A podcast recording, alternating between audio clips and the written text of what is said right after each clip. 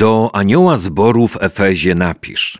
To mówi ten, który trzyma siedem gwiazd w prawicy swojej, który się przechadza pośród siedmiu złotych świeczników. Księga Apokalipsy, rozdział drugi, wers pierwszy. To, że Efest jest pierwszym ze zborów, do których aniołów zostały skierowane listy, wydaje się mieć głębszy sens.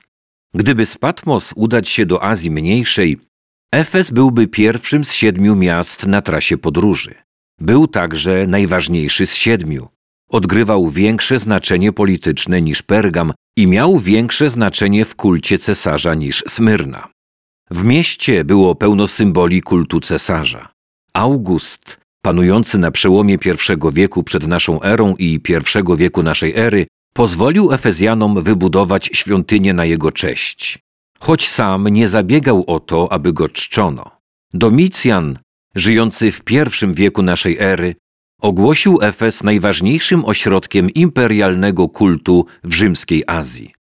Efes słynął także z kultu Artemidy, praktykowania magii oraz licznej społeczności żydowskiej. Wszystkie te czynniki sprawiały, że apokalipsa Jana miała istotne znaczenie dla chrześcijan w Efezie. Wkrótce po spisaniu tej księgi zbór w Efezie otrzymał list od Ignacego Antiocheńskiego, biskupa z Antiochii Syryjskiej. Rzymianie aresztowali go i wieźli przez Azję Mniejszą do Rzymu, gdzie miał umrzeć na arenie. W drodze eskortujący go żołnierze pozwalali mu spotykać się z innymi chrześcijanami. Jednym z takich niezapomnianych spotkań było spotkanie w Smyrnie z Polikarpem, przywódcą miejscowego zboru. Spotkamy się z nim w jednej z późniejszych czytanek. Kiedy Ignacy był w Smyrnie, odwiedziło go czterech przedstawicieli zboru w Efezie, aby go wesprzeć. Był wśród nich biskup Onezym z Efezu, przypuszczalnie ów zbiegły niewolnik, o którym Paweł napisał w liście do Filemona.